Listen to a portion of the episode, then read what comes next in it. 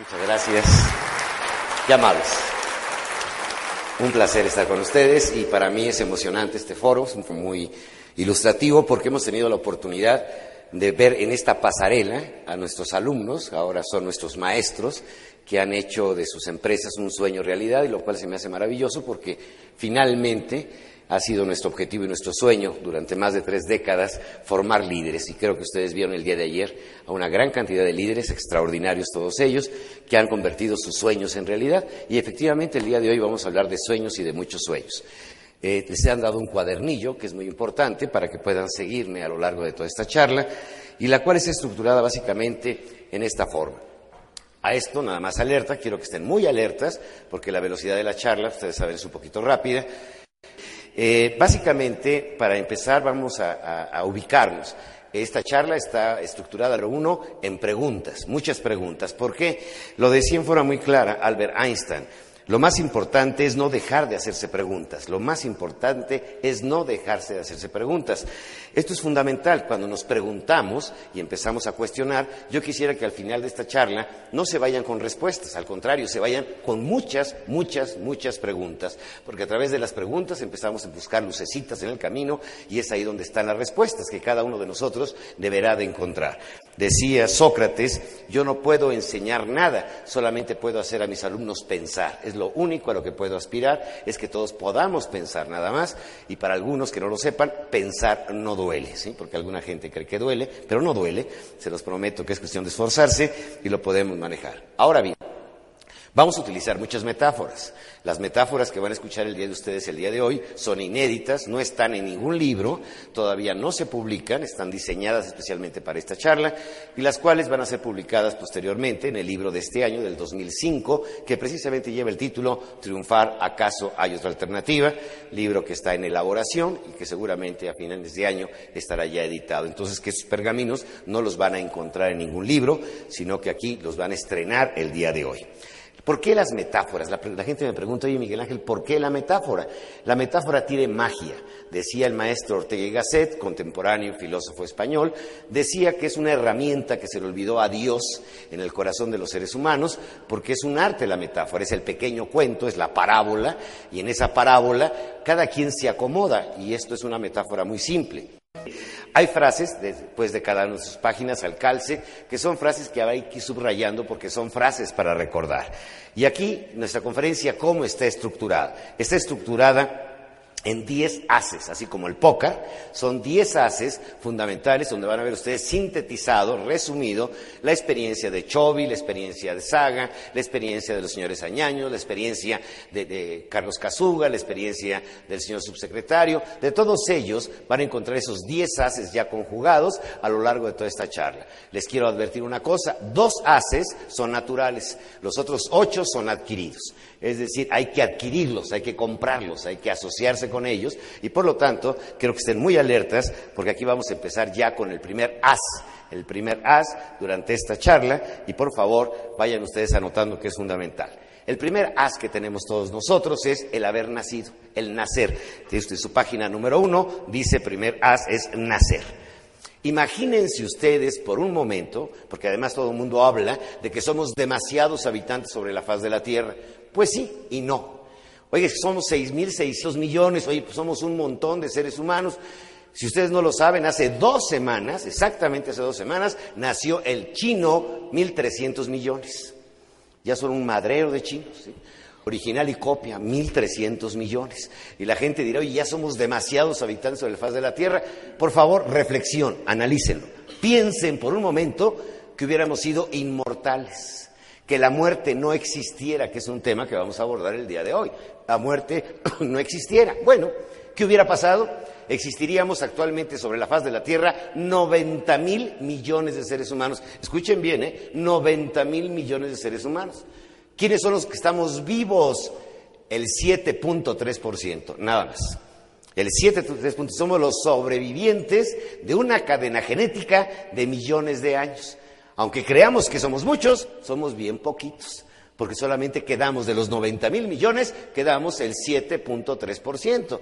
Entonces, fíjense qué curioso, la cadena genética, esto sí anótenlo por favor, que es importantísimo, es lo último en neurociencia, la cadena genética. ¿Qué sucede con una cadena genética? Bueno, son eslabones que se van armando.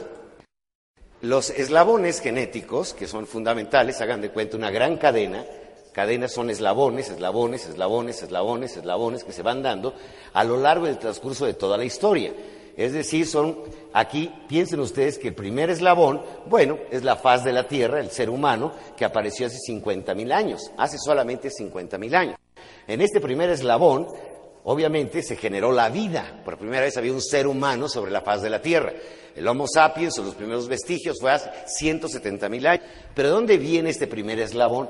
Obviamente es la creación, la máxima expresión de la creación de Dios, pero trae, obviamente, imagínense, un planeta Tierra que tiene por origen 4.600 millones de años, escucharon bien, 4.600 millones de años, y que proviene de un Sol que tiene 5.000 millones de años, y viene de un universo, escuchen bien, que tiene 15.000 millones de años. Para que se dé el primer eslabón pasaron cuántos? 15 mil millones de años. Y empezaron a generarse eslabones, eslabones, eslabones, eslabones, eslabones. ¿Qué hubiera pasado si mamá, mi mamá, se muere virgen? Todos los mexicanos creemos que nuestra mamá es virgen. No, no, les prometo que no es cierto. ¿sí? Entonces resulta que si mamá hubiera, hubiera quedado virgen, pues yo no nazco. Afortunadamente mi papá se cuchiplanchó a mi mamá, ¿sí? Y gracias a eso yo nací, si no que hubiera pasado, no hubiera nacido. Y si mi abuela se hubiera muerto momento de nacer, pues no nace mi mamá y por obvio yo tampoco hubiera nacido.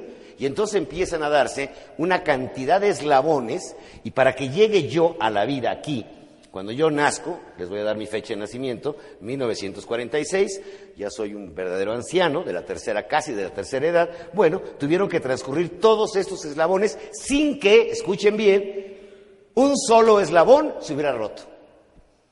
Con uno que se hubiera roto, no llego. Entonces fíjense por dónde pasaron todos estos eslabones. Pasaron los eslabones por el medievo, la peste negra, las cruzadas, la Santa Inquisición, y ningún eslabón de estos se rompió. Y como no se rompió, aquí estoy yo. Soy el resultado, escuchen bien, de aproximadamente 15 mil millones de adversidades. 15 mil millones me anteceden en mi historia personal. Todos los modelitos que estamos aquí, por favor, dése un beso. Así, ellos, así, así, así sabroso, ¿sí? Papacito, soy 15 mil millones de antiguo, aunque se vean jovencitos algunos, ¿sí? Pero ¿qué resulta? Aquí viven todos los que ya se fueron, ¿eh?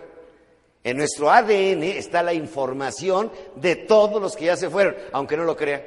En nosotros vive Leonardo da Vinci, y Miguel Ángel Bonarotti, y vive Luis Pasteur, y vive Mozart, y viven todos los que ya nos antecedieron, viven en nosotros. Por eso, todas estas nuevas corrientes esotéricas en tus vidas pasadas, ¿sí? Se han encontrado ese, rollo, ¿no? Que, y tú eres un reencarnado. No, yo conozco amigos reencarnados, o sea, que es de carne, ¿sí? Que es diferente. Ya. ¿Y a qué se debe que estén reencarnados? Pues todo lo que se han tragado en el pasado. y obviamente han llegado a la reencarnación completa. La vida definitivamente es para, exclusivamente algo para triunfar. Obviamente yo creo que el pecado más grande que Dios ha de ver y que desafortunadamente la iglesia todavía no lo sanciona como pecado y que además las leyes son los mediocres. Imagínate tú como padre de familia que le has dado a tus hijos lo mejor de lo mejor, las mejores escuelas, los mejores médicos, lo mejor de lo mejor, y te resulta el chavo dos tresiano. ¿Y tú cómo estás, hijo? Dos, tres, dos, tres, dos, tres, dos, tres. Y tu vieja, dos, tres, dos, tres, dos, tres, dos, tres. Y la vida, dos, tres, dos, tres. ¿Cómo se debe sentir Dios? Dos, tres, dos, tres, dos, tres. ¿Por qué? Porque imagínate todo lo que nos ha dado y nada más analice nuestro origen cósmico, pues sería un pecado no hacer de nuestra vida una obra magistral. ¿Para qué nacimos, señores? Yo no creo que hayamos nacido para otra cosa que para triunfar. Ese realmente, y por eso estamos en esta cadena genética. Muchas personas rompieron su cadena genética, pero su información trascendió. Ejemplo, Teresa de Calcuta. Ustedes escucharon ayer a Chovy. Obviamente, Teresa de Calcuta se le cruzó en la vida. O sea, al tipo se le apareció la mujer más buena, buena, buena del mundo. Y obviamente, tocó con su información, heredó en su información otra cadena genética, que a su vez va generando otras cadenas. O sea, por eso es maravilloso, extraordinario, apasionante ser maestro. Ser maestro es una pasión, porque estás trasladando información, estás influyendo en la cadena genética de la humanidad. Por eso, señores, al final de esta página, algo que es fundamental, viven en nosotros todos los que ya se fueron. Todos los que ya se fueron, viven en nosotros. No los podemos sacar de nosotros, están en nuestra cadena genética. Y si ustedes influyen positivamente en todo en su entorno, van a trascender en la cadena genética de todos los seres que les rodean. Esto es algo que es fundamental y es esencial. La responsabilidad, escuchen bien, la responsabilidad de vivir. Es un privilegio, pero también es una gravísima responsabilidad.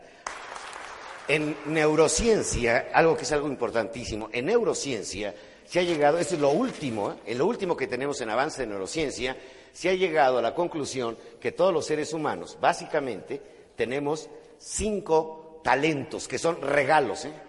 O sea, son cinco talentos que son un regalo. ¿Conocen algunos chavitos que hablan como locos? Hablan, hablan, hablan. A lo mejor puede ser hasta conferencista. ¿Sí? Y así encontramos que hay talentos, hay gente que tiene talentos naturales, o sea, se te facilita algo en especial. Se calcula, fíjense qué impresionante, que el 97%, 97, 97, somos genios. Nada más que somos as no conocido. ¿sí? ¿sí? Es que yo soy muy capaz, muy capaz, muy capaz, pero nadie lo sabe. Eres un as no conocido. Entonces, ¿qué resulta? Que se nos va dando y se nos hace un núcleo central, se nos hace un núcleo central, que es la combinación de todos esos talentos, y hay algo en especial, algo que es muy importante, es el privilegio. O sea, si tú tienes un talento, ¿será responsabilidad o privilegio? Las dos. Es un privilegio, pero es una gravísima, gravísima responsabilidad. Fíjense ustedes muy bien, les voy a hablar ahorita del síndrome del erizo. ¿Escucharon bien, eh? La palabra erizo. Por favor, esto dibujen en sus cuadernos porque no lo van a tener. Número uno, hay algo en la vida en la cual tú puedes ser el mejor del mundo. Escríbanlo, por favor, ¿eh? Lo mejor del mundo. hay algo que se te da en forma natural. Se te da en forma, bueno, tú no sabes de dónde, tú has visto un chavo que de pronto toma una guitarra y ya, pero de oídas empieza a sacar alguna canción. Hay una persona que se le facilita escribir, hay otra persona que se le facilita cantar, hay otra persona que se le, se le facilita cocinar. O sea, tiene algo, te tienes que preguntar, gran pregunta para el día de hoy, ¿en qué ser tú, cada uno de los que están aquí, el mejor del mundo? El mejor, ¿eh? ¿En qué crees tú que puede ser el mejor del mundo? Y no quiero que piensen que se van a ganar el premio Nobel de la Paz o de literatura o que le van a hacer un monumento en Suecia. No, no, no. Por ejemplo, tú eres jardinero, te encanta el jardín. Y al momento en que tú te dedicas a arreglar el jardín, a la gente que le sirves dicen, este es el mejor jardinero del mundo. ¿Eres mesero? No, no, no, dice la gente, qué bruto, es el mejor mesero del mundo. O te dicen, no es que el tipo es, eh, es recepcionista es el mejor recepcionista del mundo. Tú tienes que decidir en qué puede ser el mejor del mundo. Número uno, ¿eh? en lo que sea. Como chofer, como taxista, como conferenciante, lo que vayas a hacer en la vida, que la gente diga, ese es el mejor del mundo. En lo que vayas a eres diseñadores, artes gráficas, lo que tú quieras, vas a ser el mejor, el mejor del mundo. Número dos, que es bien importante, es algo que lo vives con pasión. Una pasión enorme. Te llena, te hace vibrar, te hace sentirte completo, lo haces apasionadamente. Luego vemos a nuestro queridísimo amigo Carlos Kazuga con su eh, software japonés, pero con su cerebro mexicano. Es decir, lo, que te impresiona, un tacataca mexicano. Y además con una pasión de mexicano. Y además un hijo de migrantes, un hombre que con una mano de adelante y atrás salieron adelante. O sea, con una pasión, porque su padre le decía, hijo mío, si no le pueden dar nada a México, váyanse de este país. ¿Qué carajos están haciendo aquí? Ellos nos abrieron las puertas, nosotros les tenemos que devolver lo que nos ha dado. Y por supuesto, es impresionante ver la pasión. Ustedes vieron ahí un desfile de apasionados, ¿a poco no? Una bola de apasionados, todos una bola de locos. Lo decía mi queridísimo maestro, que lástima que no esté aquí para darnos la cátedra, el maestro Aristóteles. Para aquellos que no lo sepan, no alinea con la selección de Brasil, no, no, no. O sea, nuestro maestro Aristóteles vivió hace 2500 años y decía, la excelencia es para desequilibrados. O sea, si aquí salen excelentes porque ya se convirtieron, entraron a la locura. Aquí no se aceptan gentes normales. Aquí hay que estar medio deschafetado para entrar al mundo de la pasión. Y no necesariamente un anuncio de Vicky Ford, no, no, no, no. ¿sí? Se necesita pasión para hacer. Entonces, obviamente, imagínate, a, este hombre, te preguntaba tu edad, que tienes 11 años, a Rafael Saga lo conocimos porque sus papás los llevaron al colegio de las orejas a los 13 años a su primer curso. Y estaba tomando ya alta dirección a los 18 años. Obviamente le decían es que necesitamos, que, y era otra generación de cuna rica no de cuna pobre. ¿Y saben que es más difícil educar a un hijo siendo rico que siendo pobre? Es mucho más sencillo. ¿sí? Cuando estás jodido, pues ¿qué haces? Pero cuando tienes plata eres un ojete, ¿sí? Si no les ayudas, ¿a poco no? Entonces te cuesta más trabajo educar a alguien en la abundancia que en la miseria. Entonces ayer vimos el desfile de quien fue educado en la miseria y quien fue educado en la riqueza. Pero la importancia de los valores, ricos o pobres, son valores. Entonces vimos que pasión. Y luego la número tres, que aquí si lo logras, ya le hiciste que sea rentable. Imagínate que te paguen por hacer lo que te gusta hacer. que quieres ser el mejor del mundo y además te pagan para que seas el mejor del mundo. Si encuentras esto, te convertiste en asterisco, en, asterisco, en, erizo. Eh, pues casi es lo mismo, ¿no? El erizo. ¿sí? ¿Por qué? Porque en ese momento te quedas en eso. Pero por favor, fíjense ustedes muy bien, ¿eh? Para ser el mejor del mundo, tienes que dejar de hacer muchas cosas. Porque si no, no te vas a concentrar. Andas a la pendeja haciendo cosas por aquí y por allá. ¿sí? Entonces, ¿qué necesitas? Dedicarte, se llama la palabra, note la focalización. Necesitas focalizarte en algo apasionadamente hasta que ese algo lo conviertes en realidad. Gallup, estudio internacional, dos millones de encuestas a nivel mundial. Tiempo que se lleva promedio un ser humano para ser virtuoso, para ser el mejor del mundo, 17 años, sin salirte de tu lugar. Vas a tocar el violín, 17 años, vas a ser el virtuoso del violín. Tenis, 17 años, vas a ser el virtuoso del tenis. Cocinero, 17 años, vas a ser el... Pero no te salgas, no te muevas, o sea, concéntrate como erizo, que nadie se acerque, que nadie entre a ese campo. A nivel corporativo, por ejemplo, dijo eh, Starbucks, queremos ser el mejor lugar del mundo para tomar café. Nada más. Oiga, pero ¿por qué no venden máquinas de hacer café? No nos interesa. ¿Por qué no fabrican donas tampoco? Y galletas. Queremos ser el mejor lugar del mundo. Bueno, son 18 mil cafeterías. Una facturación más o menos interesante vale varios miles de millones de dólares. ¿Por qué? Porque tienen un objetivo. Es que dijeron, es que vamos a hacer el mejor lactobacilio que tengan los no sé qué madre de la cosa de la madre, ¿sí? Y vamos a vender no sé cuántos millones, ahorita dos millones y medio de Yakults. Pero vamos a ser el mejor, el mejor, el mejor lavado de panza que se pueda dar el ser humano. Y nos vamos a dedicar a eso, nada más a eso. que voy a vender refrescos, nada más voy a vender esos refrescos, les prometo que voy a ser el mejor refresquero del mundo, se acabó. Oye, pero ¿por qué no haces otras cosas? No, McDonald's, oye, ¿por qué no crías ganado? ¿Por qué no siembras papas? ¿Por qué no pones una panificadora? ¿Por qué no es una fábrica de mostaza y de mayonesa? No, yo solamente ensamblo hamburguesas. Nada más. Señores, es importantísima esta pregunta, nadie te puede dar la respuesta. Cada uno de los que estamos presentes, los 500 personas el día de hoy, tenemos que salir con una pregunta, ¿en qué puedo ser yo el mejor, el mejor del mundo? ¿Qué quiere ser erizo? Nadie se va a poder meter conmigo, yo estoy en mi centro. Es el poder de poder encontrar el centro universal de mi vida. Número dos, es algo que me apasiona hacer y lo puedo hacer sábados y domingos. Ya mi vida no, se, ya, no, es un rompeaguas que diga, hay días para trabajar y días para descansar. No, no, no. Estoy en el centro, estoy en mi pasión, me apasiona hacer. Señores, todo en la vida, sin pasión no hay Beethoven. Sin pasión no hay Miguel Ángel Bonarotti. Sin pasión no hay Luis Pasteur. Sin pasión no hay Bicola. Sin pasión no hay Yakul. Sin pasión no hay Teletón. Sin pasión no hay nada. Imagínate a Beethoven sin pasión. Nueve sinfonías hay que hueva, mejor cuatro. Miguel Ángel Bonarotti, ¿para qué pintas en el techo, güey, en el piso? No es fácil.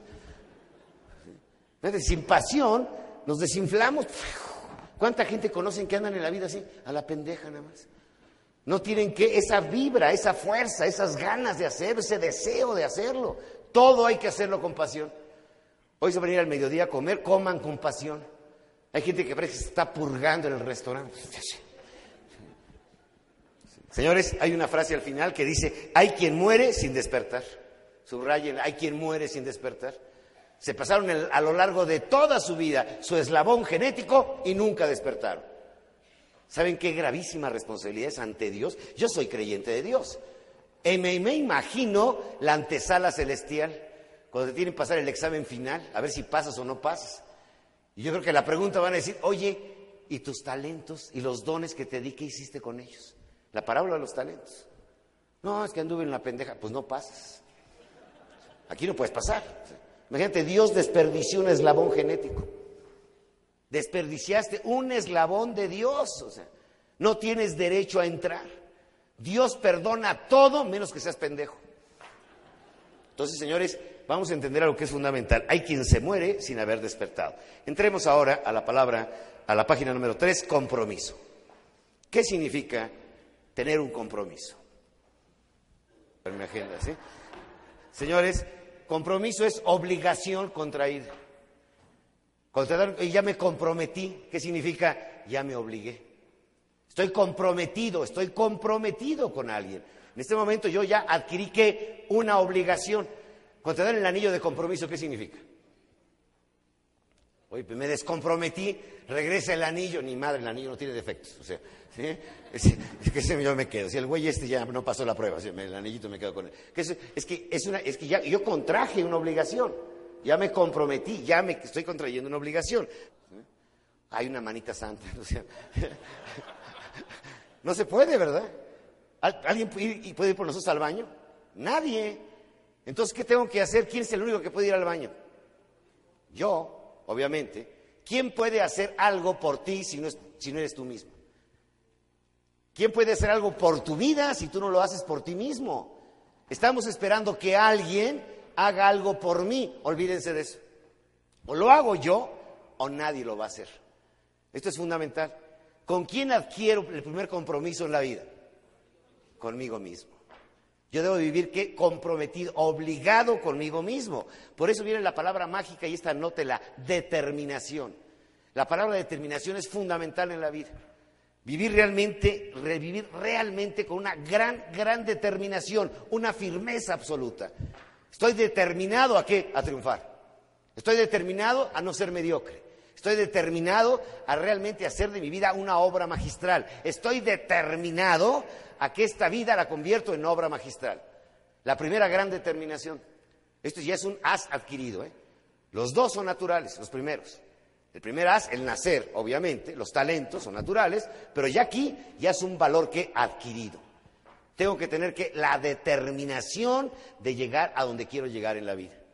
Y nadie me va a sacar de ese objetivo, de ese sueño, de esa pasión por lograr lo que yo quiero en la vida. Determinación. Ser determinante en las cosas. No hay opción. Es determinante que me levante temprano, es determinante que haga ejercicios y esa determinación va a de tu vida una obra magistral. Por eso, al hablar de compromiso, fíjense la frase que tiene abajo. Si tienes un por qué vivir, encontrarás el cómo frase de Nietzsche. Obviamente Víctor Frank la hizo sobre una obra maestra, El hombre en busca de sentido, el hombre se acaba de celebrar hace una semana el 60 aniversario del holocausto de los nazis, de los judíos.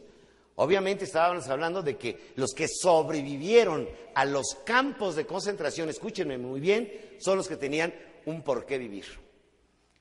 Los que se entregaron como reces al matadero ya no tenían un por qué vivir. Los que lograron sobrevivir es porque tenían algo que hacer en la vida. ¿En qué momento tienes que morir cuando ya no tienes nada que hacer en este planeta Tierra? Entonces tenemos que ubicar el tema, tenemos que encontrar un por qué vivir. Cuando encontró un por qué vivir Teresa de Calcuta, hizo la obra magistral que hizo de su vida. Cuando encontró un por qué vivir, el Chobi está haciendo la obra de su vida. Y así cada uno de nosotros, si encontramos un por qué existir, ya la hicimos. ¿eh? La respuesta, como dice Víctor Frank, nadie te la puede dar. Tú solo la tienes que encontrar. ¿A qué seres vas a amar? ¿A qué causa vas a servir? Si vas a ser empresario, si vas a estar en la salud, si vas a estar en la enseñanza, si vas a ser político. Ese por qué, segunda pregunta. En la piedra picuda de mañana. Una, ¿En qué quiero ser el mejor del mundo? Número dos, ¿cómo para qué? ¿A qué seres humanos voy a amar? ¿A qué seres humanos voy a servir? ¿A qué causa me voy a entregar en la vida? Y si encuentras esa causa para entregar toda tu vida, felicidades, has despertado. Has despertado a la vida. Ya tienes un por qué vivir. Nadie puede contigo. Vas a ser, fíjense la palabra que voy a utilizar, invencible. Invencible, que es fundamental. En ese momento nadie te puede vencer, ni la muerte. Les pregunto, ¿Luther King se habrá muerto o seguirá vivo? ¿Gandhi se habrá muerto o sigue vivo? ¿Jesucristo se habrá muerto o sigue vivo? Fíjate qué impresionante. Todos ellos están vivos. Y está flotando su espíritu en nosotros. Y nos están dando luces y nos son faros de la vida. Y es impactante porque esas personas encontraron que un por qué existir, una causa a la cual servir, a unos seres a quien amar. Esto es fundamental. Y creemos que los hijos que tenemos que amar son nuestros hijitos. Pues sí. Pues no. Además de tus hijitos, ¿a quién más? Es que no, bueno, es que ya mi esposa, pues también, güey, pero ¿a cuántas más no? Este, bueno, eso ya es otro tema, ¿no? Pero, en fin, tendríamos que buscar a, a quiénes voy a amar y a qué causa voy a servir. Pasemos rápidamente a la página número 4 y aquí encontramos realmente, fíjense la pregunta que está ahí. ¿Qué será más importante, la actitud o la aptitud?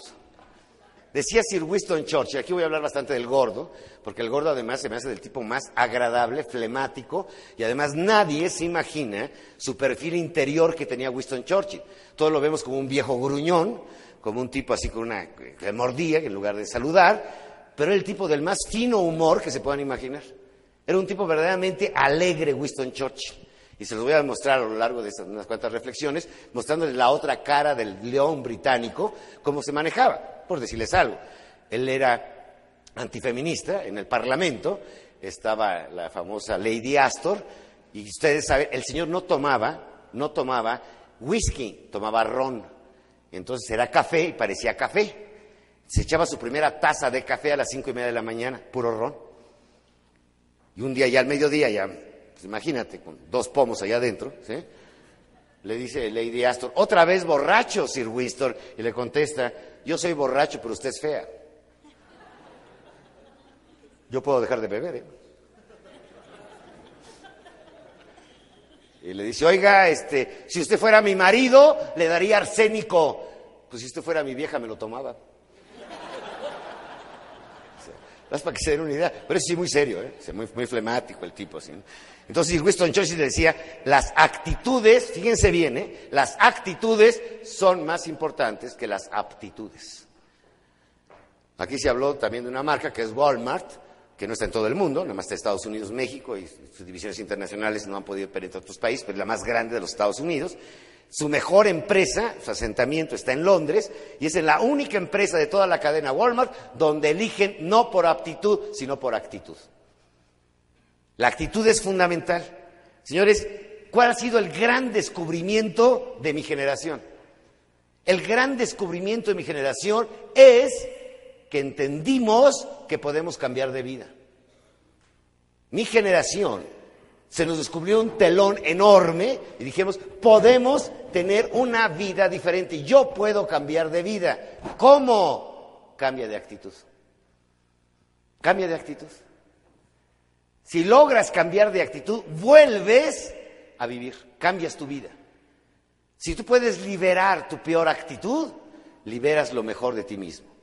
Por ejemplo, si eres negativo, si eres pesimista, si eres agorreo del desastre, si eres jetón, porque hay gente que es jetona, ya así, hasta por genética, ¿no? El abuelo jetón, la madre jetón, el padre jetón, el jefe jetón, hijos jetoncitos, todos son jetones. Llegas a esa casa y ya la gente no saluda, ladran todos, parece jauría, ¿sí? Porque pues ya son jetones naturales. Entonces, trata de liberarte de ello. Miren, fíjense la importancia, ¿eh? y esto es fundamental. Levante la mano, ¿quién de ustedes ha vivido alguna adversidad?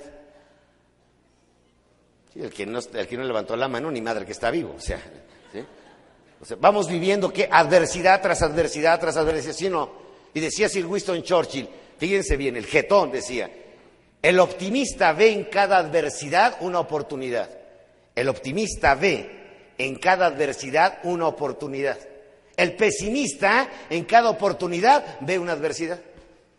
Exactamente al revés. Ya te cayó un contrato de trabajo nuevo, ay, qué friega, ahora cómo lo resolvemos. ¿Sí? Si es como el tipo que va a África a vender zapatos, llega a África y los ve a todos descalzos. Entonces reporta a la casa matriz, no hay nada que hacer, ni madre, nadie usa zapatos.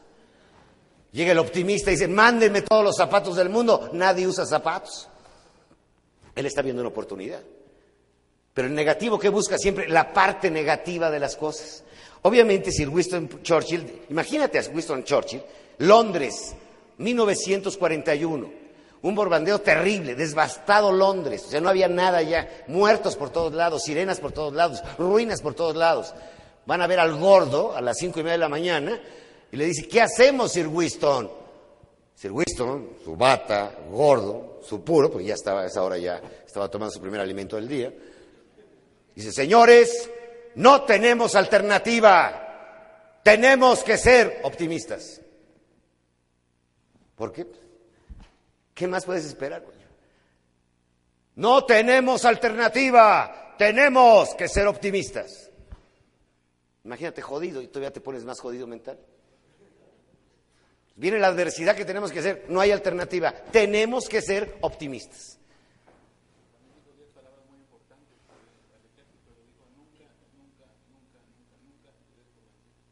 El Señor tuvo discursos muy curiosos. Vamos por darles otra anécdota de él. El discurso más corto de un primer ministro en todo el mundo ha sido de Winston Churchill.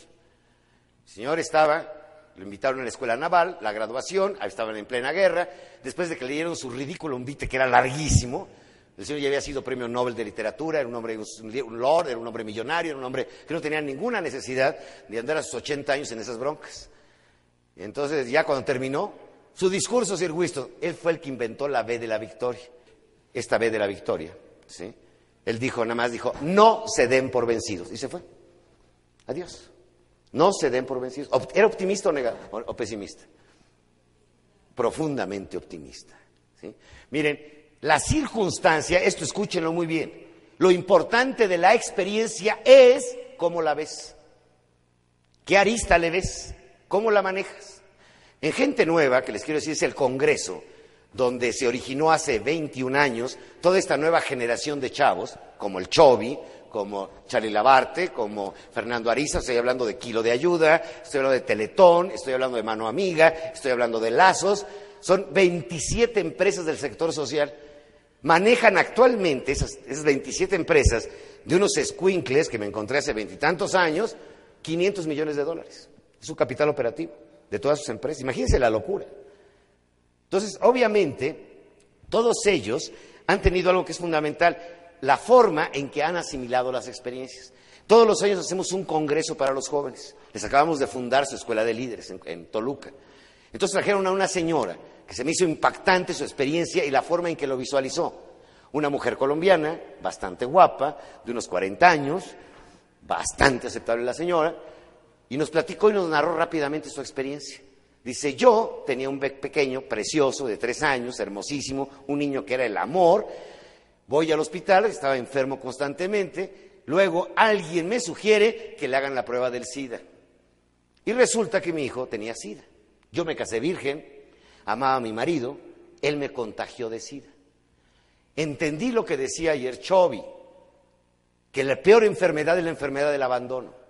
A mi chiquito, que todo el mundo jugaba con él y todo el mundo lo quería, esto fue en Medellín, esto fue hace 15 años, empezaba el SIDA, a partir de ese momento a mi chiquito le empezaron a dejar la comida en el suelo, nadie lo quería tocar. Fui a la iglesia y el cura me dijo, saca a ese niño de aquí, si no ya no van a venir los feligreses. Se le estaba cayendo la piel, se estaba descarnando, se me desvaneció entre los brazos. Mi marido murió también de SIDA, yo soy portadora de SIDA. Y ahora le he encontrado un sentido al tener SIDA. Y es venir a platicar con los jóvenes para que se den cuenta la importancia de los valores. Le dio sentido a qué? A su sufrimiento. Encontró un por qué vivir. Y no consumirse en el odio y en la amargura. Es algo importantísimo. ¿eh? No consumirte en el odio y en la amargura. Fíjense bien lo que les voy a decir. ¿eh? Dejar de sufrir es una decisión. Es una decisión. Yo puedo dejar de sufrir. Decido no sufrir. Fíjense la diferencia entre dolor y sufrimiento. ¿eh? El dolor es porque te duele algo de tu cuerpo. Sufrimiento es porque te duele el alma. El dolor te puede hacer sufrir, claro, dolor físico. Pero la mayoría de las personas estamos plenamente sanos y sufriendo. Estoy en una casa espectacular en Acapulco, viendo la bahía, y me dice un amigo, Miguel Ángel, yo he sufrido más que tú. Le contesté, pendejo. Que esta vida no es una competencia. Si no venimos a este mundo a sufrir. Uno de los problemas teologales que tenemos todavía una cuentita pendiente con la Santa Iglesia Católica Apostólica Romana, con toda la Santa Baticueva, es una broca que... Pues sí, ¿quién se va al cielo? Los que más sufren. Imagínate, no dijiste el cielo, jodido aquí, jodido allá. ¿eh? Más te vale que aprendamos a ser felices. Nos han entrenado para sufrir. Ustedes vean las iglesias, todos los, todos los santos cómo están. Sufrientes, llenos de puñaladas, sangre. Y la mayoría con caras de puñales, con una florecita. ¿Cuándo has visto un santo de la alegría, una sonrisa? Se fue al cielo por alegre. Ni madre, se va al infierno por divertido. Fíjense la frase que tiene abajo su página número 4. No sonrío porque soy feliz. Sonrío para ser feliz.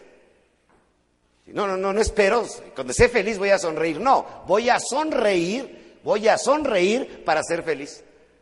Voltense a ver y dése una sonrisa. Voltense a ver. Dése una sonrisa. Ya, nos cambió el. Ya acá, no sé. Ahora son dos machines. ¿eh? A lo mejor hay relaciones hoy, ¿no? Sea, sí. A ver, ¿quién tiene pareja? Y los que no tienen, ahorita nos emparejamos, no se preocupen. ¿sí? Pero fíjate, qué, bello amanecer es que con una sonrisa, poco no? Bueno, te, ¿quieres ser un cafre en el periférico? Sonríe. Sacas la mano y le das al de atrás así. Y se para. ¿Sí? Pásale. No sé. ¿Por qué? Es que es, enigmático. Es un guerrillero urbano. Todo el mundo tiene que andar de jetas, ¿a poco no? Prendemos la radio en la mañana, lo primero, ¿para qué? Para recibir toda, bueno, todo lo, todo lo que ha dañado al mundo, quiero que me entre al alma al despertar. Me meto a la regadera y más caca le meto. ¡Ah! Y en el coche más todavía. ¿Por qué? Porque está prohibido tener buen humor. Señores, ¿dónde se forja un líder? En la adversidad. ¿Dónde sacas tus potencialidades? Ante la adversidad. ¿Dónde demuestras tu talento en tu vida? Ante la adversidad. Si la adversidad no existiera, pues no tendría mucho sentido nuestra existencia. Pero la adversidad te forja, como el acero. Los líderes se templan a altas temperaturas, ante grandes desafíos. Aquí hemos visto, porque vimos la historia de éxito, pero también vimos la historia de adversidades que han vivido cada una de las personas que han, participado. A mí, por ejemplo, me impresiona mucho, ayer lo, vieron con el protagonista que está afortunadamente con nosotros, que está Ángel Añaños, pero algo que me impresionó mucho fue conocer Ayacucho. Ayacucho fue el pueblito, ese pueblito del que hablaban, donde nació precisamente esta familia ante la adversidad, pero yo quiero hablarles ahorita no de la familia Añaños, quiero hablarles del pueblo. Surge un movimiento que es de lo más sangriento y devastador en toda América Latina, bueno, sobre todo en Perú, porque esos maoístas se mandaron a muchas partes del mundo, pero en el Perú, Sendero Luminoso. Y Sendero Luminoso hace masacres. La Comisión de la Verdad, porque les quiero decir además que la locura del Bicola, de Cola Real en Perú, es que no solamente reunió estadios para escuchar mi mensaje, un estadio de 46 mil personas en Lima, en Ayacucho, el estadio no daba más capacidad que 25 mil, estaba llenísimo aquello, sin cobrarles un solo centavo para devolverle al pueblo peruano reflexiones y conceptos que los pudieran hacer mejores.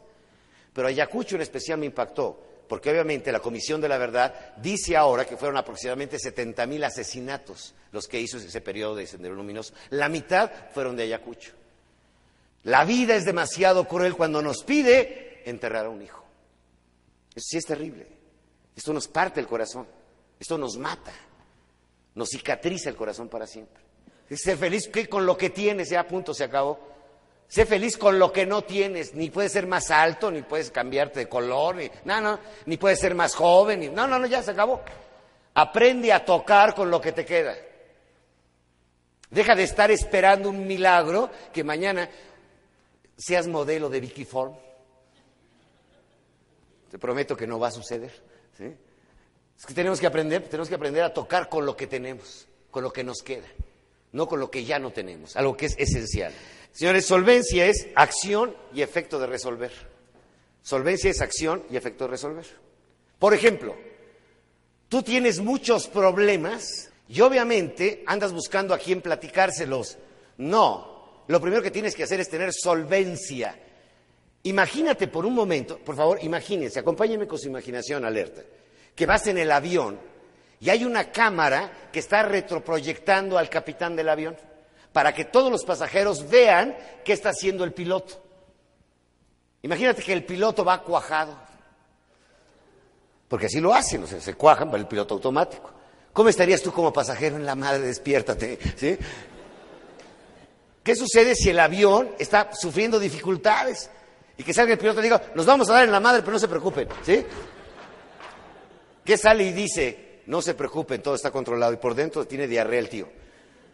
Imagínate que estás en cirugía, el médico está en cirugía, una operación muy difícil, tú eres pariente del paciente que están ahí, pero en la sala de espera te ponen una pantalla gigante para que estés viendo cómo reacciona el doctor. ¿Cómo está sudando? ¿Cómo le mete el cuchillo aquí en la madre? ¿Ya se atoró? Imagínate tú, sería una locura. ¿A dónde los quiero llevar? Imagínate que tienes problemas con tu pareja. Sé solvente con tus hijos, que no se enteren. No crees pánico a tu alrededor. Puede haber muchos problemas a tu alrededor, pero tienes que manejar que una actitud para resolver. No te dejes paniquear, no paniquees a los demás.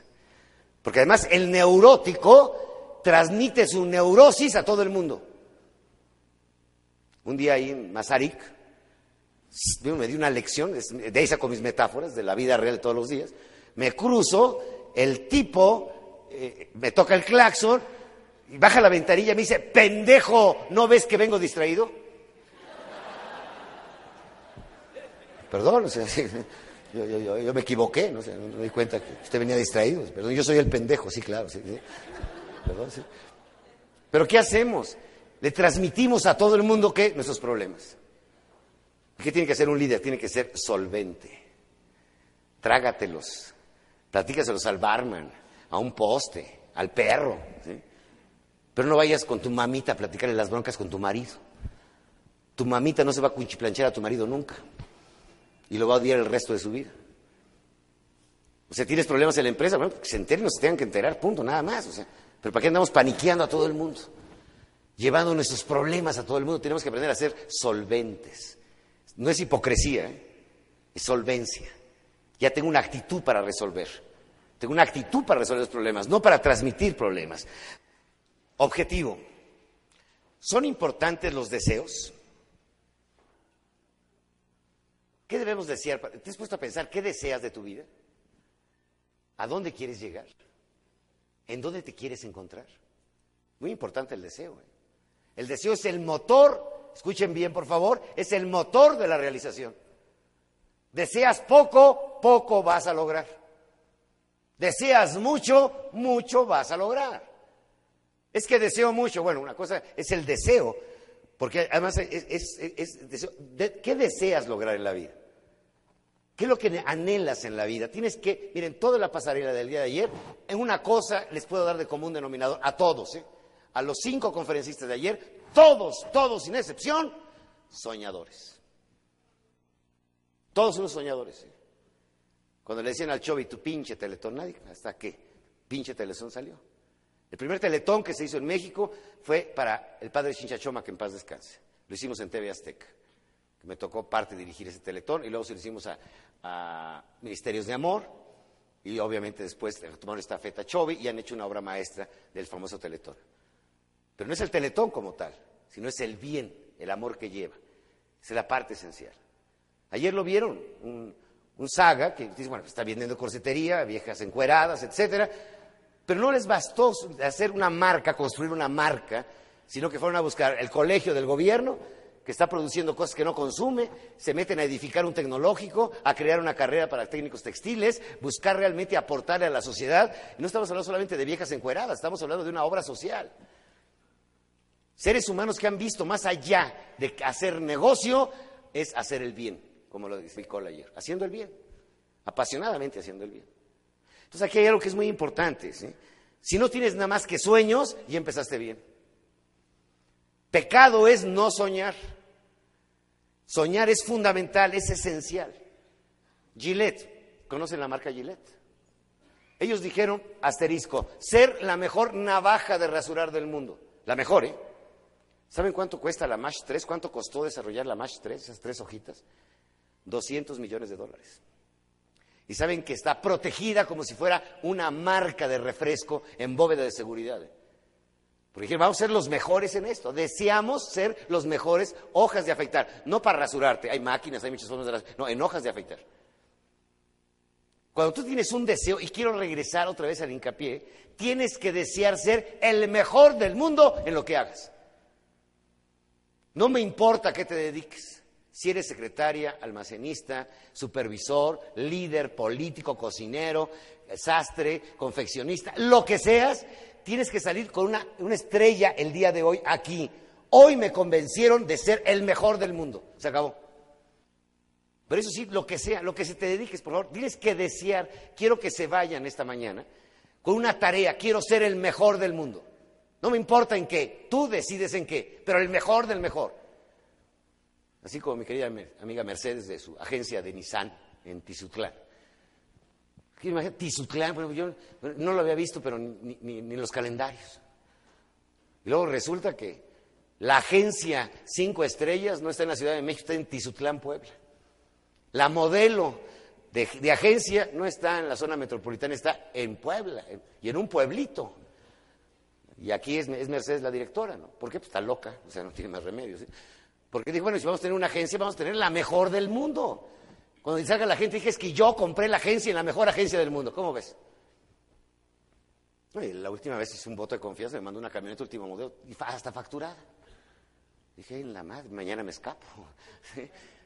Pero ¿qué resulta? Bueno, resulta que cuando tú decidas, de verdad, por favor, piensen que sus empresas sean lo mejor del mundo, en bordados, el mejor bordado del mundo, la voy a manejar. Tratamiento, tuberías de agua, las mejores del mundo. Ya estamos hasta la madre de mediocres, ¿a poco no? Ya no necesitamos, es que los mediocres siempre dicen, casi, casi llego. ¿A poco no? Casi, casi me la ligo. Entre el casi, casi, ¿habrá diferencia entre medalla de oro y medalla de plata? El, el, de medalla de plata es casi llegué. Y el otro güey dijo, ya llegué. Esa es la diferencia. Miren, y esto va con los teólogos también. ¿eh? Buscar la perfección es frustrante. Buscar la excelencia es emocionante. La excelencia es sobresalir en lo que sea. Pero ¿quieres ser perfecto? ¿Qué es ser perfecto? ¿Y para quién eres perfecto? la pregunta. Imagínate que hubieras nacido mujer musulmana. A los 13 años de edad, el 90% de las mujeres musulmanas son castradas, les quitan el clítoris. Y además las cosen. Hasta el día que se casan, las descosen. Y los musulmanes ortodoxos, cada vez que hacen el amor, cosen y descosen todos los días. Fíjate qué belleza voy a ser musulmana perfecta, ni madre, me quedo imperfecta. ¿Qué, ser, ¿Qué ser perfecto a lo judío? ¿Qué ser perfecto al americano? ¿Qué ser perfecto a la francés? ¿Qué ser perfecto en el siglo XX o en el siglo XXI? Paradigma equivocado, teológicamente equivocado. El ser humano, escuchen bien, no nació para ser perfecto, nació para ser infinito. Como infinito es Dios. ¿Cuánto nos falta todavía por escribir en la literatura? ¿Cuánta música nos falta por componer, Milocho? Y con siete. Y con siete pinches notas. Sí, porque además, o sea, un famosísimo fraile que le dijimos, ¿usted qué inventó? Pues una pendejada, siete notas. ¿Y cuánta música te encierran siete notas? ¿Cuánta literatura en, 29, en 28 letras? Infinita, ¿eh? vamos a seguir al infinito. Pero algo que quiero remarcar, y regreso al tema, ¿eh? Señores, hoy tienen que decidir en qué quieren ser lo mejor. Tienen que encontrar la estrella de su vida. Si encontramos esa estrella, ya la hicimos en la vida. Escuchen ustedes esto que es muy importante. Todos tienen ahí en su página, en la página número 7, cornejoonline.com, es nuestro portal en el cual pueden ingresar gratuitamente, bajar pergaminos, documentos, todo lo que ustedes quieran, es un, es un portal que tiene aproximadamente 2 millones de hits al mes. Entonces, pues vale la pena que ustedes puedan ingresar y van a encontrar muchos de estos documentos que estoy leyendo los podrán ustedes bajar sin costo alguno desde nuestro propio portal. Bien, la sexta es la búsqueda. ¿Existirá la buena suerte o no existirá la buena suerte? ¿Sí o no? A ver, ¿quiénes levanten la mano que dicen sí? Levanten la mano que dicen no. Por eso estamos como estamos. Bájenla, por favor, ¿sí? Y la diosa de la fortuna tiene en una mano una cornupia, que es una, hagan de cuenta, un caracol de la abundancia, donde están saliendo muchos bienes y demás, y en otro trae un timón. En ese timón va manejando la fortuna, nada más que la fortuna va ciega, es decir, no ve. Entonces muchas veces favorece a quien no debe favorecer y desfavorece a los que no tenía que desfavorecer. Por ejemplo, el tsunami lo que sucedió hace unos días, en principio a finales del año pasado, ahí en Asia, una ola enorme arrasó a buenos y a malos, como la viruela, como la peste negra en el siglo XV, ahí en Europa, a buenos y malos, dicen, la fortuna existe, es decir, nadie hizo nada para que el acontecimiento sucediera, aparentemente. Tal vez eh, tantas pruebas nucleares, la, la Tierra todo como que se sacudió, en fin, pero algo sucede. Hay acontecimientos, escuchen bien por favor, acontecimientos circunstanciales fuera de nuestro control. Repito, acontecimientos circunstanciales fuera de nuestro control. Hay cosas que nadie pidió que sucediera y no sucedió. Hay un temblor, hay una, marea, hay una tormenta, tu coche que ya está afuera, ¡pum!, se le cayó un árbol. Bueno, no hiciste absolutamente nada para que sucediera. Acontecimiento circunstancial fuera de tu control. Nada más que decía en forma muy clara George Washington que los acontecimientos circunstanciales a tu favor, o sea, los que te favorecen, que de pronto dice, fue un golpe de buena suerte, nueve de cada diez los puedes producir tú. Los puedes producir. Puedes producir tener buena suerte ser suertudo en la vida, producir acontecimientos que te favorezcan en la vida. De aquí van a salir todos suertudos el día de hoy. Entonces, resulta que la buena suerte sí la podemos fabricar. Pero aquí viene una cosa que es muy importante. Si sabemos, escuchen bien, premisa número uno, si sabemos qué queremos, la buena suerte nos empieza a favorecer. Si sabemos qué queremos. Si andas buscando una casa, pues ya sabes que andas buscando una casa. Entonces resulta casualmente la encontraste. Andas buscando pareja, pues casualmente la encontraste. Andas buscando un buen trabajo, casualmente lo encontraste. Andas buscando ser una empresa, casualmente la encontraste. ¿Por qué? Porque has buscado tanto que la encontraste. Tu búsqueda se facilita porque sabes qué quieres en la vida. Entonces, obviamente, estás alerta, escuchen bien, estás alerta para encontrarla. Pero si andas a la pendeja, pues no sabes ni qué. ¿A dónde vas? Pues no sé, voy bien si vas de poca madre, síguele. Y luego cuando llegues te vas a enojar porque no querías llegar a ese lugar. Pero lo que pasa es que no sabías qué querías. Entonces lo primero que tenemos que pensar es qué buscamos en la vida. Y si sabemos qué buscamos, la buena suerte nos va a llegar. Sales a buscar clientes, casualmente te llegan. Si sales a buscar lo que sé en la vida, la gente se queja mucho en los programas de radio y demás, es que no tengo trabajo. Yo les contesto, buscar trabajo ya es un trabajo. ¿O no? A ver, métele ocho horas diarias buscando trabajo. Pero no, estás esperando que te llamen a la puerta. Entonces, sal a buscarlo. Y casualmente lo encontraste. Fíjate qué curioso. Entonces, entre más buscas, más encuentras. Es bíblico, ¿no, padre? El que busca, encuentra. Entonces, ¿qué nos sucede? Estar buscando, buscando, buscando, buscando. Magia, lo encontraste. Lograste encontrarlo, porque sabías qué querías. Miren, esto se llama, y anótenlo, el poder del centro. Así se llama el poder del centro.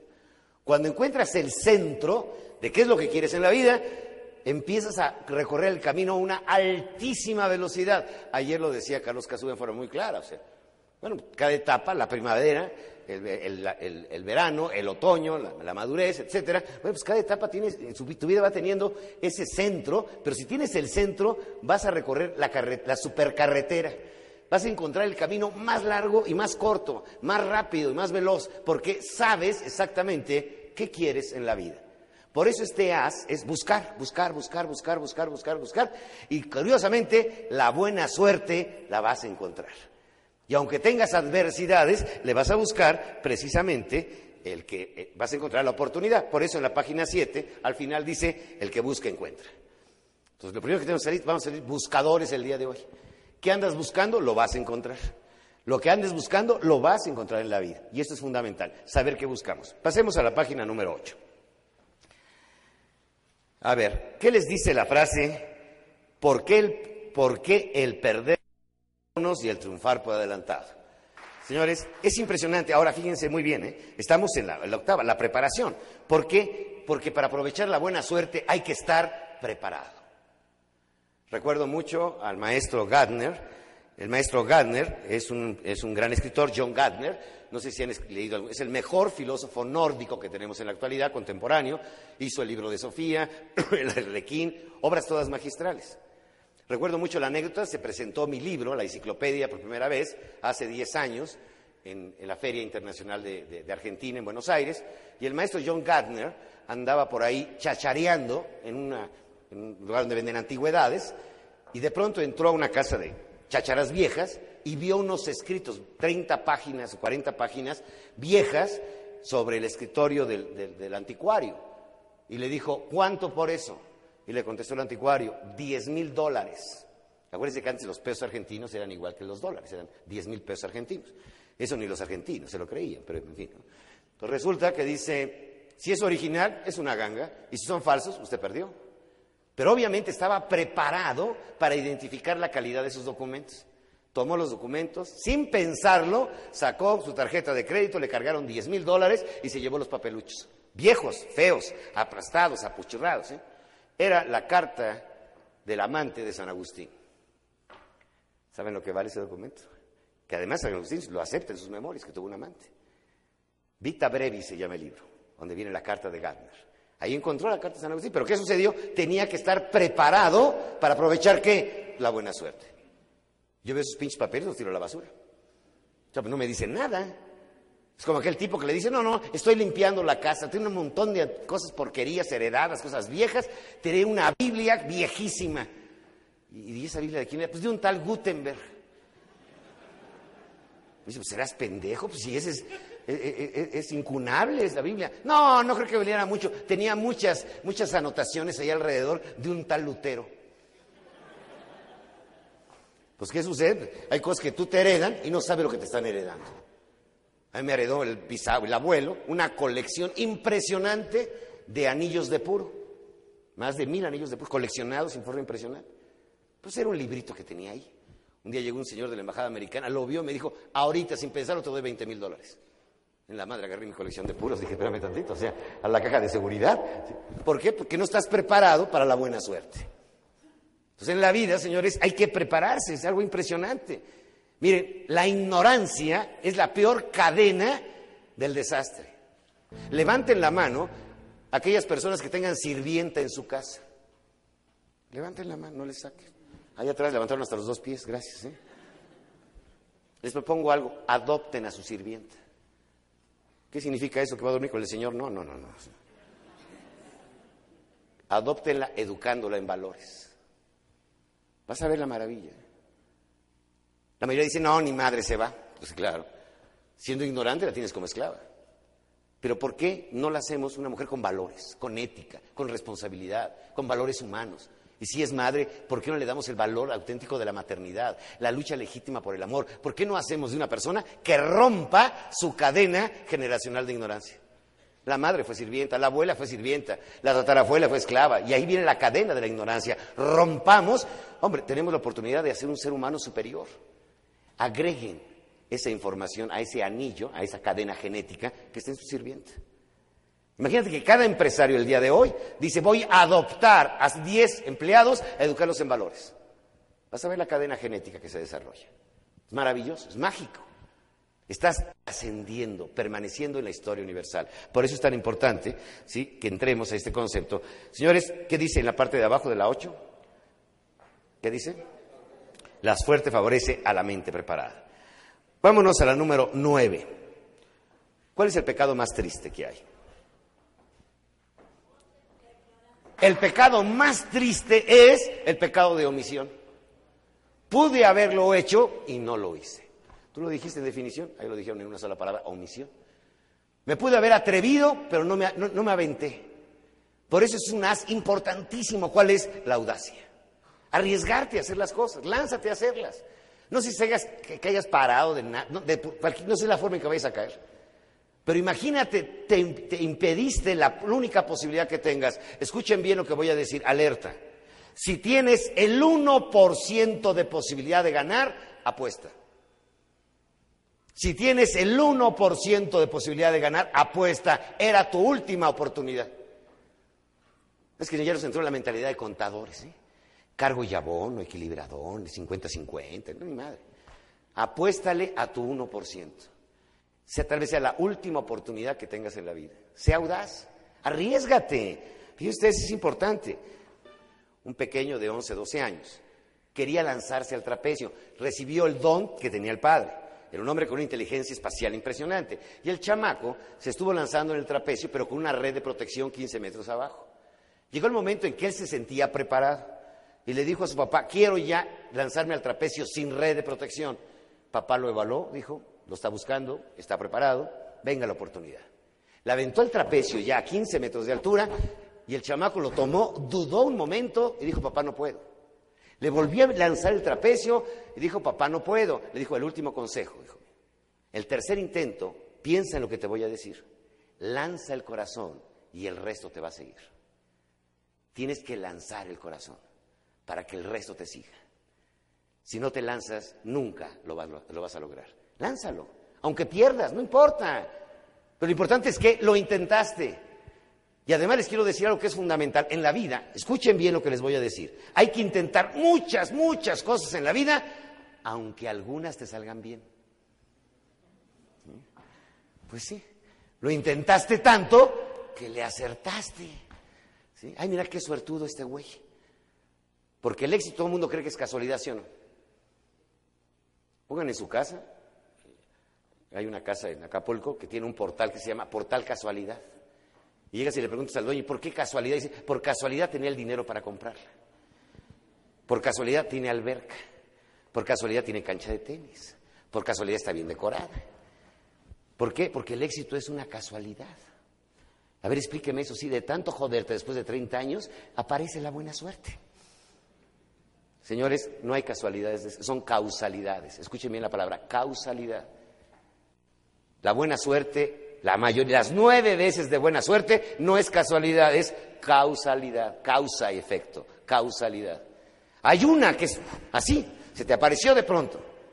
Jamás te lo imaginabas. Te encuentras al mejor prospecto de cliente, te presentan a la persona de tus sueños, encuentras una casa que es una ganga. Eso fue una casualidad. Pero causalidad de cada es nueve las produces tú. Por eso, si no lo intentas, no lo sabrás, dice la página nueve. Si no lo intentas, no lo sabrás. Y vámonos al gran seductor. ¿Cuál será el gran seductor? Ahí está escrito. ¿Cuál es el gran seductor? El trato, señores. El trato es el gran seductor. ¿sí? Señores, realmente, y fíjense por favor, me los quiero llevar. Y esta frase anótenla. El amor planetario. Es un amor planetario. ¿Qué significa? Con tu pareja, cuando tú te encuentras, cuando se conocen, vienen de dos planetas diferentes. Tienes que respetar el planeta del otro, su mundo de significado, sus valores, su cultura, sus formas, su estilo. Si se pierde ese respeto, hay ya una invasión planetaria. Tu empresa se convierte en un planeta, ¿sí o no? Con sus valores, con su misión, con su visión. Es un planeta. Y el que entra ahí tiene que entender las reglas de ese planeta, si no, puedes tener problemas. Te invitan a una casa, entras a un planeta diferente. Por eso, por eso la palabra trato lleva una base muy sólida que escriban, se llama respeto. Si no hay respeto, el maltrato es porque dejamos de respetar a los seres humanos. Queremos que el otro piense como yo, decida como yo, haga lo que yo quiera, etcétera. Ya no estoy respetando a otro ser humano. La importancia del amor planetario, porque cada vez que entramos en relación con otra persona, estamos entrando a un nuevo planeta. Y cuando la gente entre a su empresa, ustedes tienen que hacer el planeta de su empresa. Por eso le decían a Disney, ¿cuál es su mayor, su mayor acto creativo que hizo en su vida? Todo el mundo iba a decir que iba a ser Mickey Mouse. No, contestó simplemente, ¿Do you speak Disney? O sea, en el planeta Disney se habla Disney. En el planeta Disney tratamos a la gente al estilo Disney. En el planeta Disney respetamos al huésped. En el planeta Disney producimos alegría y felicidad humana. El planeta Disney, este es mi planeta. Y se, y se maneja con las reglas que yo he puesto en mi planeta. Tu empresa es el reflejo de la cultura del planeta que tú estás creando. Estás creando un planeta. Cuando dos seres se encuentran, entre la unión de ambos crean un nuevo planeta, amor planetario. Y el trato es fundamental. El trato debe tener varias características. Número uno, respeto. Mucho respeto. Es que la gente ha confundido una, fíjense muy bien, ¿eh? delicadeza en el trato, delicadeza. Lo hemos confundido con una corriente light gringa que se llama conductismo, dice que asertividad le llama. Oye vieja, a pesar de estar tan gorda, sudas poco. Es que soy muy sincero, te estoy diciendo lo que pienso. Qué ojete, ¿no? Oye viejo, después de todo no eres tan pendejo. Pues, no entiendo el mensaje, ¿me entiendes? Es que soy muy sincero, no, eres un ojete que es diferente. O sea, vamos hablando de las, vamos hablando de las palabras correctas, ¿no? ¿Qué resulta? Tenemos que tener que mucha delicadeza en la comunicación. Trato es respeto, es delicadeza, y aunque no lo crean, ternura. Ternura. Todo un animal, eres tierno con el animal, le modificas el temperamento. Trata con ternura una flor y te responde. ¿eh? Imagínate si eso puede hacer con un perro o con una planta, ¿qué es lo que puede hacer con un ser humano? Señores, aspirar a la excelencia es aspirar a dar un trato de excelencia a los seres que nos rodean. Todos los líderes de todos los tiempos son los grandes seductores. Esta mujer rubia, alta, muy bella y hermosa, Teresa de Calcuta, ¿se acuerdan? La gran seductora. Al que se le cruzaba lo seducía. Recuerdo un cliente, amigo mío, que tiene en Tijuana, tiene mucha plata, este hombre les donó un terreno para que pusieran la casa de las Madres de la Caridad, pero su terreno de al lado, Tijuana, el terreno vale como oro molido, le, empezaron a invadir de tantas gentes, donativos, pobres y demás. Entonces me dice mi amigo, oye, quiero hablar con Teresa de Calcuta. Le digo, no vayas tú, manda a tu director. No, no, no, yo quiero conocerla personalmente. No quiero que me invadan ese terreno. Pues ve. En la tarde lo vi, ¿cómo te fue? Doné todo. Pues sí, pendejo. ¿Con quién te metes? O sea, estás metido con una gran seductora. O sea, ten cuidado. Imagínate Gandhi, ¿se acuerdan de Gandhi? Alto, guapo, hombre malboro, ¿sí? Imagínate para seducir a la ola de locos que anduvieran encuerados como él. Y caminando, no, no, no crean que una peregrinación de aquí a la Villa de Guadalupe, no, no, no, no, 200 kilómetros, órale, a pincel, vámonos, a la manifestación de la sal. ¿Era seductor o no? Miguel Hidalgo, ¿se acuerdan? Apuesto, sí, buena onda. Imagínate toda la ola de locos que sedujo. ¿Eran seductores o no? Simón Bolívar habrá sido seductor o no. Pancho Villa, bueno, todas las historias del mundo, ¿no? Pero todos los líderes, todos, tienen una característica, son seductores. ¿Cómo seducen? Con el trato. Son los grandes seductores. Si después de esta plática no ligan, me cae que tienen el cerebro ateflonado. no podemos hacer más. el gran seductor es el trato. ¿Ustedes conocen mujeres feas que son bellas? Mujeres que son, físicamente son feas, pero su trato es, este, cautiva. Y hay mujeres que son, tienen todo el hardware, pero sin nada de software. el coco vacío, ¿a poco no? ¿Hay alguien ahí? Es que te resulta, bueno, señores, tenemos que aprender que el trato es el gran seductor. Y el líder, obviamente, y además hay algo que es muy importante. El trato también, recuerden algo que es muy importante. El líder debe agradecer, agradecer a todos sus colaboradores. Debe vivir agradecido. Escuchen bien lo que voy a decir. El líder depende de su gente. Él es el visionario, pero los misioneros son los de abajo. O sea, Jesucristo tuvo la visión, pero ¿quién hace la chamba diaria de la misión? Él les dijo, pues ahí les dejo el fax, ahí me reportan resultados y nos vemos, ¿sí? se fue. Sí, sí. Viene el Papa Juan Pablo II aquí. Bien, ¿qué viene a hacer? Marketing. ¿sí? Y aquí les deja la misión. Pero a chambear. El señor de Yacul, obviamente Carlos, tiene la visión, pero tiene 60 mil empleadas para salir a venderlos. ¿Quién hace la misión? ¿Quién cumple con la misión? Entonces, el líder depende de su gente, no la gente depende del líder. ¿Qué tenemos que aprender? A dar las gracias, agradecer. ¿Cuántas cartas conocemos de agradecimiento a la mamá? Porque el 10 de mayo nos entra el complejo de Edipo, ¿a poco no? Y mamita, y esa mamita de 90 años en joda haciendo mole, ¿no? Porque es el Día de la Madre. Es impresionante. El 10 de mayo nos desbordamos. ¿eh? Y el Día del Padre, bueno, como la mayoría no tenemos padre, porque el 50% de las madres son solteras. ¿eh? Es otra bronca. Como decía Carlos, hagan un homenaje al Día del Padre y trauman a los niños sin padre, ¿no? El Día del Padre, puta, ¿quién será? Oye, mamá, preséntame a mi papá, mano. Y en México necesitamos que rescatar la paternidad. ¿eh? Como que hemos dejado los papás ese papel de papá, mamá, mamá. Entonces como que tenemos que regresar a ser padres. Es un valor que tenemos que buscar. Y afortunadamente los mexicanos en América Latina tenemos madre. Los gringos ni a madre llegan ya. Sí. Mamá ya lo dejaron de ver hace 15 años, no sabe si vive en Miami o Nueva York. Un chamaco de 16 años que vive en su casa va a ser gay o descerebrados. Ya se perdieron los valores. México tiene mucho, fíjense muy bien la diferencia entre educación y cultura. ¿eh? Educación es instrucciones, es aprender una disciplina. Cultura son valores.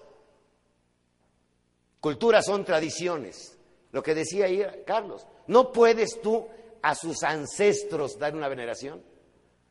No puedes venerar a tus padres, no puedes venerar a tus abuelos, no puedes tener las leyendas familiares, se nos ha olvidado. Y hay que aprender a darlo. Háganlo. Denle gracias a ellos. Otra de las personas que tuvimos invitadas, gente nueva, una mujer, que lo que hablaba ayer eh, eh, mi, amigo Fernando Landeros. ¿Cuál es lo peor, que, lo que más nos duele a los seres humanos? Ser despreciados, ser abandonados. Es lo peor que nos puede suceder. Tú nomás intenta darle la mano a alguien y retírasela. Vas a ver. Te vas a decir, ay, objeto, ¿por qué hiciste eso? Te sientes despreciado. Una amiga me platicaba su experiencia de Miguel Ángel, hasta que cambié de actitud, entendí muchas cosas en la vida. Yo soy el resultado de una violación. Mi madre fue violada a los 15 años en Los Ángeles por una pandilla. Mi madre me tuvo y me, entregó en donación, porque me adoptaron. Ella no se sentía capaz de poderme educar. Y yo durante muchos años, estoy hablando de una mujer de cerca de 50 años, me la pasé reclamando por qué mi madre me había rechazado, me había abandonado. Regresé a buscarla, no para reclamarle, sino para decirle, mamá, gracias, porque no me abortaste. Pudiste haberlo hecho y no lo hiciste. ¿Qué fue? Cambió su paradigma. Yo no sé cómo haya sido papá o mamá, pero tu cadena genética está aquí, gracias a ellos. Más vale que les dé las gracias, porque sin ellos no estarías aquí. Atrévete a hacerlo hoy. Acuérdense una cosa, ¿eh? hoy no sabemos si habrá mañana. Estaba Diógenes, el famoso filósofo griego, maestro de Alejandro el Magno, llega un gran hombre rico y le dice, Diógenes, quiero regalarte esta bolsa de oro porque me ha ido muy bien en los negocios. Y le dice Diógenes, ¿quieres ganar aún más oro? Sí, Diógenes, entonces quédate con ella, tú la necesitas. Oye, por lo menos una moneda para que comas mañana. ¿Y quién me garantiza que voy a vivir mañana? Llegó Alejandro el Magno, le dijo, gran maestro, ¿qué puedo hacer por ti? Hazte un lado porque no me da el sol, pendejo. Hay cosas, señores, como decía Teresa de Calcuta, ¿eh? solamente lo barato se compra con dinero. Solamente lo barato se compra con dinero. Una voz cálida, un abrazo, un beso, un te amo, no tiene precio. Lo que hacen en los CRICS, la ternura con lo que tratan a los niños. Eso, pues te puedes ir tal vez a Houston, un hospital muy caro, pero el cariño con lo que hace esta gente en su trabajo, eso es espíritu de obra, no mano de obra hay espíritu de obra. Solamente lo barato se compra con dinero. Y vámonos a la última hojita, ya vamos a terminar. Página 11. Misión. ¿Cuál es la cita inevitable que todos tenemos que asistir? La cita inevitable. La cita que todos tenemos. ¿eh? Y ustedes van a decir, oye, qué dramático vamos a terminar la charla el día de hoy, porque es una cita importante. Ustedes saben que la muerte le da sentido a la, intensidad existencial. Sin la muerte no tendríamos intensidad existencial. Sabemos que esta fiesta se va a acabar. les doy una noticia, ¿eh? te vas a morir. No tienes remedio. Esto no vamos a poder evitarlo. Nadie le puede agregar un minuto a su vida. Dios perdona, ¿eh? escuchen bien, el tiempo no. El tiempo es inevitable. De la sabiduría zen, les quiero decir que mi compañero de viaje, la persona, yo había estudiado hace 30 años el milagro japonés, la gente cree que estaba loco porque yo hablaba de Japón y quería ir a Asia, andaba buscando aprender la escuela asiática, el fenómeno se estaba dando en Asia, empecé a incursionar en el mundo de investigación japonés y de pronto se me ocurrió organizar el primer viaje de investigación internacional directamente con los protagonistas. Me llevé a 30 investigadores de México a Japón. Y mi compañero de viaje, mi compañero de viaje, el que fue mi traductor, el que me ayudó a entender la mentalidad de los japoneses, fue precisamente eh, Carlos Kasuga. Porque el problema era traducir. Se estaba yo dando una charla a un grupo de Shermans japoneses, porque finalmente resulta muy curioso, o sea, yo pagué mi pasaje de avión, yo fui a buscarlos, yo llegaba, me encontré con un gran Sherman, una de las empresas más grandes del mundo, y lo primero que hizo fue sacar un cuaderno y empezarme a preguntar a mí. Le dije, ni madre, el que pagó el boleto soy yo, o sea, que tengo que preguntar soy yo, yo vine a preguntar. Usted me empezó a ¿y cómo está México? ¿Y por qué así? Porque no, espérame tantito, yo quiero preguntarle a usted. Vengo a utilizar la misma tecnología taca-taca, pero con ustedes. O sea, entonces, obviamente, la gente, o sea, la, mentalidad de los japoneses, para, yo daba una conferencia, les comentaba, y de pronto yo les digo a ustedes mordida, di una mordida, pues lo entienden muy fácil, ¿no? Pero de pronto alguien me dijo, oiga, ¿me puede explicar eso de la mordida? Acción de mascar, cortar. No, no, no. Es simplificación administrativa. Es para que las cosas fluyan ¿sí? en nuestro país. ¿sí? Nada más que explícaselo a un japonés, está, está en chino, está en japonés más bien. ¿sí? Entonces, obviamente, el que hacía el traslado latino al oriente, pues era Carlos. Y entonces, obviamente, juntos pudimos recorrer muchas partes de, Asia, aprendiendo precisamente muchas cosas. Y una de las cosas que hablaba ayer era que fue la Universidad de Tokio, porque finalmente uno de los factores que más inciden en la falta de productividad de muchos países es nuestra actitud religiosa. ¿Por qué? Porque lo que decía es muy cierto. Vamos a los templos a qué? A pedir. Somos pedinches, ¿a poco no? Córrele, córrele, llegó tu tío, pídele, pídele, tu padrino, órale, córrele, córrele, ¿a poco no? Toda la vida estamos pidiendo, ¿a poco no? Dame, sindicato dame, empresa dame, gobierno dame, todo el mundo dame, dame. Somos pedinches, cultura pedinche. ¿Saben que es de lo más light nuestra confesión? Llegamos y, Dios mío, vengo a pedirte perdón porque le bajé 200 mil pesos a Mercedes, ahí en Tizutlán. Hijo mío, rézate diez Padres Nuestros, tus pecados te son perdonados. Que, Mercedes se joda, no importa. Si tú vas, le pagas a Mercedes y regresas, güey. Porque una cosa es perdonarte, otra cosa es disculparte, quitarte la culpa. Fíjense la, diferencia, ¿eh? quitar la culpa. Ahora con lo del holocausto, se hace la conmemoración de algo que para mí es de lo más impresionante. Ahí en Polonia, en Auschwitz, estaba un nazi alemán, general, agonizando ya tenía tan cerca la muerte que le entró el perdón. Entonces dijeron, tráiganme un judío que tenemos ahí en el campo de concentración para que yo hable con él. Les dejaron un trapo humano, todo jodido. Le dice, oye, quiero pedirte perdón por lo que le hice a los judíos. Yo maté miles de judíos. La última vez masacré, incendié en una choza a 300 niños. Y el que intentaba escapar se lo acribillaba. Te pido perdón. ¿Saben qué hizo el judío? Se dio media vuelta y se fue. ¿No lo vas a perdonar? Dijo, no. Que lo perdone a quien lastimó. Ellos tienen que venir a perdonarlo. Yo no. ¿Por qué lo voy a perdonar en nombre de los que asesinó? Que los asesinados lo perdonen. No yo. Fíjate qué impresión. Por eso resulta muy light. ¿sí? Nada más pedir perdón y madre. Ahora repon la culpa. A ver, vamos a resarcir las cosas. Vamos a tener honor. Vamos a ser verdaderamente gentes de honor, resarciendo culpas. No nada más pidiendo, ay, ya perdóname, sí, güey, ¿qué? Es que yo te amo mucho, como cuánto. Pues mucho, mucho, como cuánto, cuánto. No, pues mucho tote, como cuánto tote. A ver, güey, demuéstrame tu amor. Ah, ya cambiaste. Ahorita viene el 14 de febrero, qué simpático. No importa el precio, sino la intención. No, ni madre, métele billete. O sea, o sea que duela o no. ¿sí? Recuérdense que los diamantes no producen la felicidad, ¿eh? tranquilizan los nervios, que es diferente. Pero ¿son demostrativos o no? Entonces, señores, cuando estamos arrepentidos hay que demostrar que estamos arrepentidos. No basta la palabra, también se requiere la acción. Las dos son importantes, la palabra y la acción.